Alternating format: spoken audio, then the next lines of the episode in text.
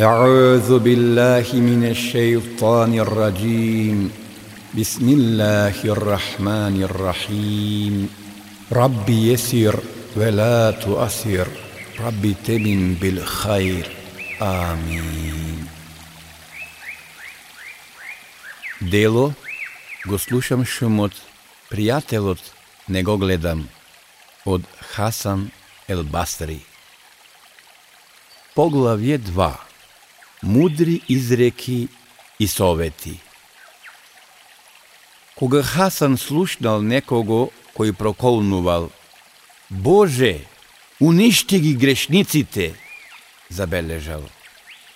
Пријателе, тогаш ќе се чувствуваме осамени на патот и ќе се намали бројот на оние кои постапуваат според своето наоѓање. Нашата вера е цврста, а вистината е на вистина тешка. Човекот е слаб и немочен, затоа нека се натовари онолку колку што може да носи, бидејќи ако се претовари со обврски, треба да се плашиме од лошо расположение и од напуштање на работите. Болеста го чисти телото како што зеќатот го чисти имотот. Телото кое не знае за болест е како имот што не се чисти со зеќат. Во него нема напредок.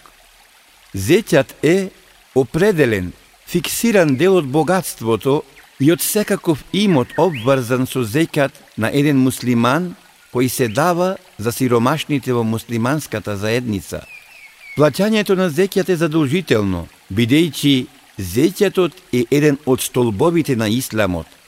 Зеќетот е главно економско средство за воспоставување социјална правда и го води муслиманското обштество кон напредок и сигурност. Правилното мислење и побожноста се најдобри дела. Кој ќе го уреди својот живот, според нив, сигурно е дека ќе се спаси. Секој друг нека го преиспита своето живење. Правилното мислење е како огледало во кое ќе се разделуваат добрите од лошите дела. Кој ќе се подпре во справилното мислење, ќе се спаси, а кој ќе го запостави, ќе пропадне. Да не постоеше заборавот, ќе се намножеа правниците. Човекот со име Абан раскажува. Влегов во джамијата во која го сретнав Хасан. На моето прашање Дали го изврши намазот? Одговори одречно. Ама луѓето од чаршијата го извршија намазот, забележав јас. На овие мои зборови Хасан рече. Кој ќе ја земе верата од чаршијата? Ако трговијата им оди добро, тогаш го одложуваат извршувањето на намазот. А ако имаат слаба продажба, го извршуваат намазот пред времето за намаз. Варди се од три нешта, ќе го спречиш доближувањето на шејтанот кон тебе. Никогаш не се осамувај со туѓа жена, па макар и да велиш дека ја подучуваш во Кур'ан. Никако не оди сам кај владетелот, макар и да велиш дека го советуваш да прави добро, а му укажуваш да ја остави неправдата. Не седи со новотарот во верата, бидејќи тој ќе фрли отров во твоето срце и така ќе ти ја расипе верата. Барај сласт во три нешта. Во намазот, во читањето и разбирањето на Куранот и во спомнувањето на Аллах. Ако наоѓаш сласт во тоа, оди и биди радосен. Воспротивно, знај дека твојата врата е затворена, па настојувај да ја отвориш. Да не постоеја смртта, болеста и сиромаштијата, човекот никогаш не ќе се покаеше, бидејќи дури и покрај овие три нешта, тој е нетрпелив. Луѓе, се колнам во Аллах, ние сме создадени за вечноста, а не за минливоста. Ние само се селиме од куќа во куќа. Кој го почитува и го фали новаторот во верата, брз е во уривањето на исламот. Аллаховиот пратеник Мухаммед салаллаху алейхи веселем рекол Кога некој го фали грешниот развратник, возвишениот Аллах е лут на него. Вардете се од побожниот човек кој е незнајко и од научникот кој е развратник, та тие се поголемо искушение за секого. Човеку, не залажувај се со тврдењето дека човекот е со оној што го сака. Нема да бидеш со добротворите се додека не работиш како нив. Овој народ ќе биде во добро и под заштита на возвишениот Аллах, се додека добрите во него се милозливи кон злосторниците, додека добротворите не ги величат развратниците и додека учените не стремат кон управувачите. Меѓутоа, кога ќе стане обратното, возвишениот Аллах од тој народ ќе ја крене својата милост и заштита, ќе им ги натовари на вратот злосторниците, кои ќе ги ставаат на тешки маки, а казната на возвишениот Аллах е уште пожестока, а покрај тоа е и вечна. Возвишениот Аллах ќе ја влее страшливоста во нивните срца. Хасан Басри го видел Неим ибн Ридван како оди горделиво, та рекол Погледнете го овој. На секој дел од телото му се гледа благодетот на возвишениот Аллах, но и проклетството на шејтанот. Возвишениот Аллах на судниот ден ќе ги запраша верниците за сите своји подароци и за секое добро, а неверниците ќе ги казни жестоко, ама праведно. Чудно ли е како јазиците опишуваат, срцата познаваат, а како делата од тоа се разликуваат. Кој ќе се впушти во сомнителна работа, нема да има награда за она за што го озборуваат. Кој сака да знае на што е, нека ги измери своите дела според Куранот и ќе види што добива, а што губи. Возвишениот Аллах ќе му се смилува на човекот кој своите дела ги измерил според Куранот, кој кога гледа дека се согласуваат со него, му се заблагодарува на возвишениот Аллах и го моли за уште поголем успех. А кога ќе види дека делата му се спротивни на куранското учење, се покајува и настојува да ги усогласи. Чуден ли е овој човек? Два чувара и придружника никогаш не го оставаат сам. Неговиот јазик им е перо, а плунката мастило. А тој повторно го говори она што не го засега. Човеку, сакаш да се спомнуваат твоите добри дела, а мразиш да се прочујат лошите? Го обвинуваш другиот поради сомнение, а несомнено знаеш дека два ангела се задолжени за твоите зборови и дела. Умниот настојува и дење и ноќе, што е можно повеќе да направи добро, бидејќи во неговото срце постои страв дека може би неговиот Создател и Господар нема да му се смилува. Има многу пропаднати поради тоа што биле пофалени. Има многумина пропаднати затоа што биле залажани со тоа што кон нив се однесувале добродушно. Вардете се од пофалбата, бидејќи таа е убиство. Некој бил пофален во присуство на Аллаховиот пратеник салаллаху алейхи веселем и пратеникот рекол Го упропастивте, бидејќи ако ја слушнеше пофалбата, никогаш повеќе не ќе се спасеше. Најважно е да бидеш свој господар, својот јазик да го држиш врзан и да не им се препушташ на твоите телесни лакомости. На тврдоглавото животно не му е потребна узда, повеќе отколку на твоите страсти. Човеку, не можеш да го смениш рокот на одредбата, ниту можеш да ја изгубиш својата нафака – а ни да ја земеш на факата на некој друг. Зошто тогаш мачно напрегање и убивање на душата? Најдобра е златната средина. Човекот постојано се наоѓа меѓу три нешта. Искушението кое доаѓа, благодетта која минува и смртта која однесува се. Кој не бил ставен на искушение, бил измамен. Кој се борел против вистината, изгубил. Човекот е постојана цел на искушенијата, на несреќите или на смртта. Човеку, подготви го доброто или нешто друго, но знај, ќе го најдеш оно што си го подготвил. Одложи што сакаш, но знај дека нема враќање назад, иако ќе се молиш да бидеш вратен на овој свет.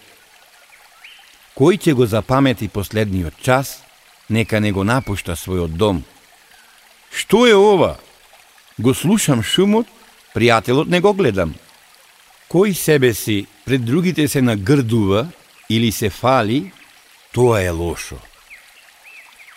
Ако не постоеја благородните, земјата ќе се расцепеше. Ако не постоеја добрите, ќе страдаше целиот народ. Ако не постоеја учените, луѓето ќе беа како животните. Ако не постоеше власта, луѓето меѓусебно ќе се уништеа. Ако не постоеја слабоумните, светот ќе беше разурнат. Ако не постоеше ветерот, се ќе се му влосуваше и ќе се смирисуваше.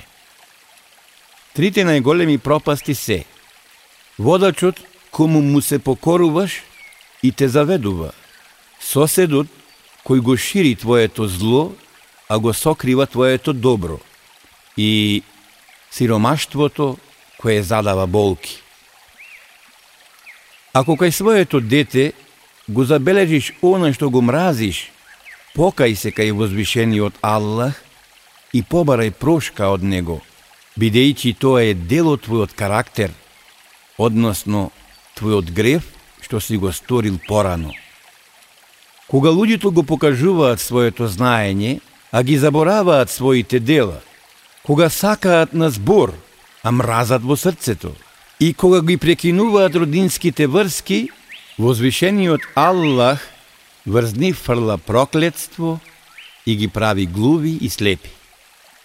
Искушението е казна која возвишениот Аллах ја испраќа тогаш, кога луѓето грешат од инает – Луѓето ќе бидат казнети ако не бидат задоволни од возвишениот Аллах, а тоа незадоволство произлегува од нивното целосно непознавање на возвишениот Аллах или од делумното негово познавање од страна на луѓето.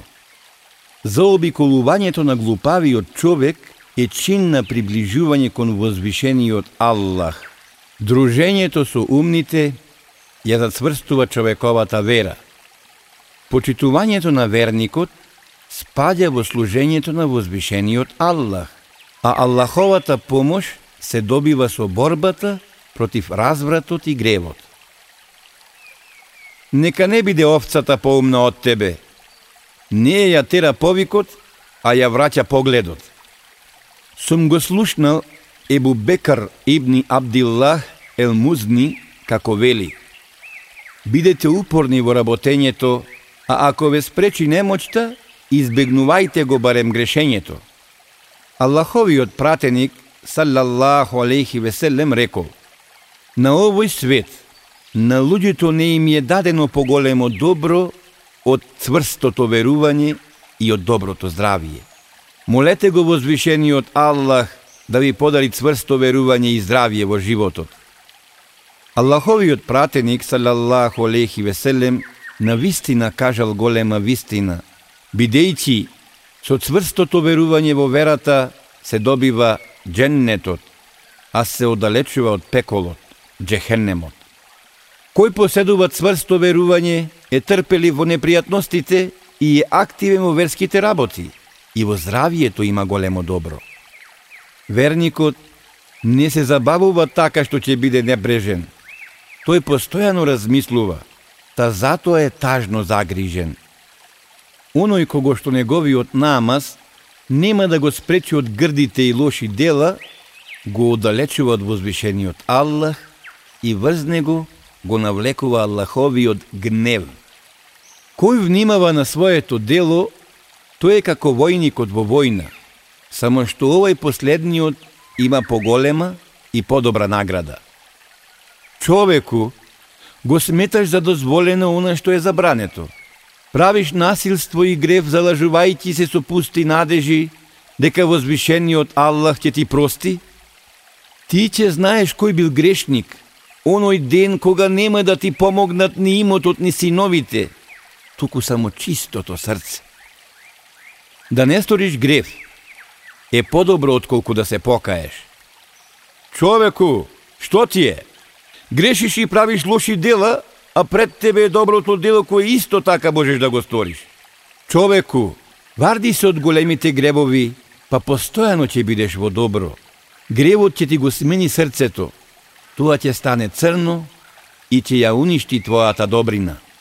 Прекрасни биле луѓето на вистината, кога Омеровиот стап бил попочитуван од сабијата на Хаджадж.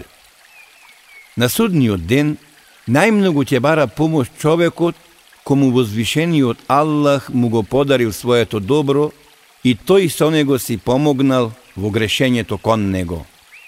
Верникот останува секогаш ист, без оглед на времето и на ситуацијата. Тој останува нескршлив во верата, со едно исто лице и на истиот пат. А лицемерот се менува според времето и условите, гледајќи ја само својата полза, не срамејќи се да го одбие другиот. Праксата на верникот ја потврдува вистинитоста на неговите зборови. Неговиот јавен живот го потврдува приватниот, а неговото присуство го открива неговото отсуство. Овие тројца никако не смеат да се озборуваат. Јавниот развратник, грешник, кога се сака да се укаже на неговата развратност. Новотарот во верата, кога се укажува на неговата иновација. И водачот, властодржецот насилник, кога се предупредува неговото насилство. Четворица биле вистински реформатори, го обновиле животот и ја поправиле состојбата на луѓето на овој свет – а двајца биле сејачи на сомнеш. Реформатори се Омер ибни Ел Хаттаб радијаллаху анху, кој на денот Есекифе, на предлогот на енсариите, владетелот нека биде од нас и од вас, рекол. О, енсари, зар не знаете дека Аллахојот пратеник рекол дека имамите се од племето Куреиш? Освен тоа, Вие знаете дека Ебу Бекр ради Аллаху Анху ја предводел муслиманската заедница по наредба на пратеникот? Па тогаш кој е поважен од него да биде владател на муслиманите? Енсариите сватиле што била намерата на Омер, така што Ебу Бекир ради Аллаху Анху е избран за халифа. Да не бил Омер во тие мигови решителен и мудар, луѓето би се разединиле и би се поделиле околу изборот на владетелот на муслиманите и така ќе останело до судниот ден. Енсариите се придружниците на пратеникот, Божји мир нека биде над него од жителите на Медина, кои го прифатиле исламот и го подпомагале и кои ги примале и ги угостиле муслиманските емигранти од Мека и од другите места – Ебу Бекир, ради Аллаху Анху, кога од муслиманите го побарал мислењето за отпадниците од верата и кога му советувале да го прифати намазот на одметниците, а нив и нивното одбивање за давање на зекјатот да ги остави на мира, одговорил Се колнам во Аллах, ако не ми го даваат зекјатот, кој го давале за време на Аллахојот пратеник, на вистина да ќе поведам војна против нив – Да не бил Ебу Бекар толку енергичен, луѓето би одбиле да даваат зеќат и така ќе останело до судниот ден. Осман ибн Афан ради Аллаху Анху ги соединил муслиманите собирајќи ги околу Куранот, кога се заканувала опасноста да се разединат во читањето на некои места во Аллаховата книга. И поради поинаквото читање, меѓусебно да се прогласат за неверници. Ако Осман не го сторил тоа, и ако не ги соберил сите муслимани околу Куранот, луѓето би се оддалечили од вистината и така ќе останело до судниот ден. Али ибн Еби Талиб ради Аллаху Анху по борбата со населението на Басра наредил да се раздели воената добивка. Кога некои негови војници со чудење го прашале, а нам, владетелу на верните, нема ли да ни бидат разделени синовите и жените нивни? Али, ради Аллаху Анху, решително одбивајќи го нивното барање, мудро прашал. А во тој случај, кому би му припаднала Ајша ради Аллаху Анха, мајката на верниците, Аллах нека е задоволен со неа. Од ова може да се изведе добар заклучок, дека заробените деца и жените во судирите меѓу муслиманите не спаѓаат во воен плен и не можат да се делат. Да не постапел Али ради Аллаху Анху толку мудро, муслиманите не би знаеле како треба да се постапува со заробените деца и жени во евентуалните конфликти меѓу нив. А двајцата, кои посеале сомнеш и ги опропастиле луѓето, се Амр ибн Ел Ас и Мугире ибн Шубе. Амар ибн Ел Ас за време на битката на Сифин му предложил на Муавија неговите војници да го кренат куранот со копјата кога веќе ќе се пред пораз. Така дошло до срамната арбитража, чии што последици ќе ги мачат муслиманите се до судниот ден. Мугире ибн Шубе почекал неколку дена кога Муавија му јавил веднаш да дојде. Своето доцнење пред Муавија го оправдал со зборовите. Бев започнал една важна работа и не сакав да ја оставам недовршена. Работев на тоа, твојот син Језид да дојде како халифа по тебе. Слушнувајќи ги тие зборови, Муавија си од радосен рекол – Врати се кај жителите на Куфа и доврши го започнатото дело. Враќајќи се, Мугире за Муавија изговорал зборови кои оставиле силен впечаток кај присутните. Благодарение на тоа, тие ги прифатиле потомците на Муавија за халифи, а исламското раководство така станало наследно. Да не се случеше ова, Муслиманите и понатаму ќе се договараа во врска со изборот на халифа и ќе го избереа оној кој ги има сите потребни квалитети за владетел на муслиманите и така би останало до судниот ден.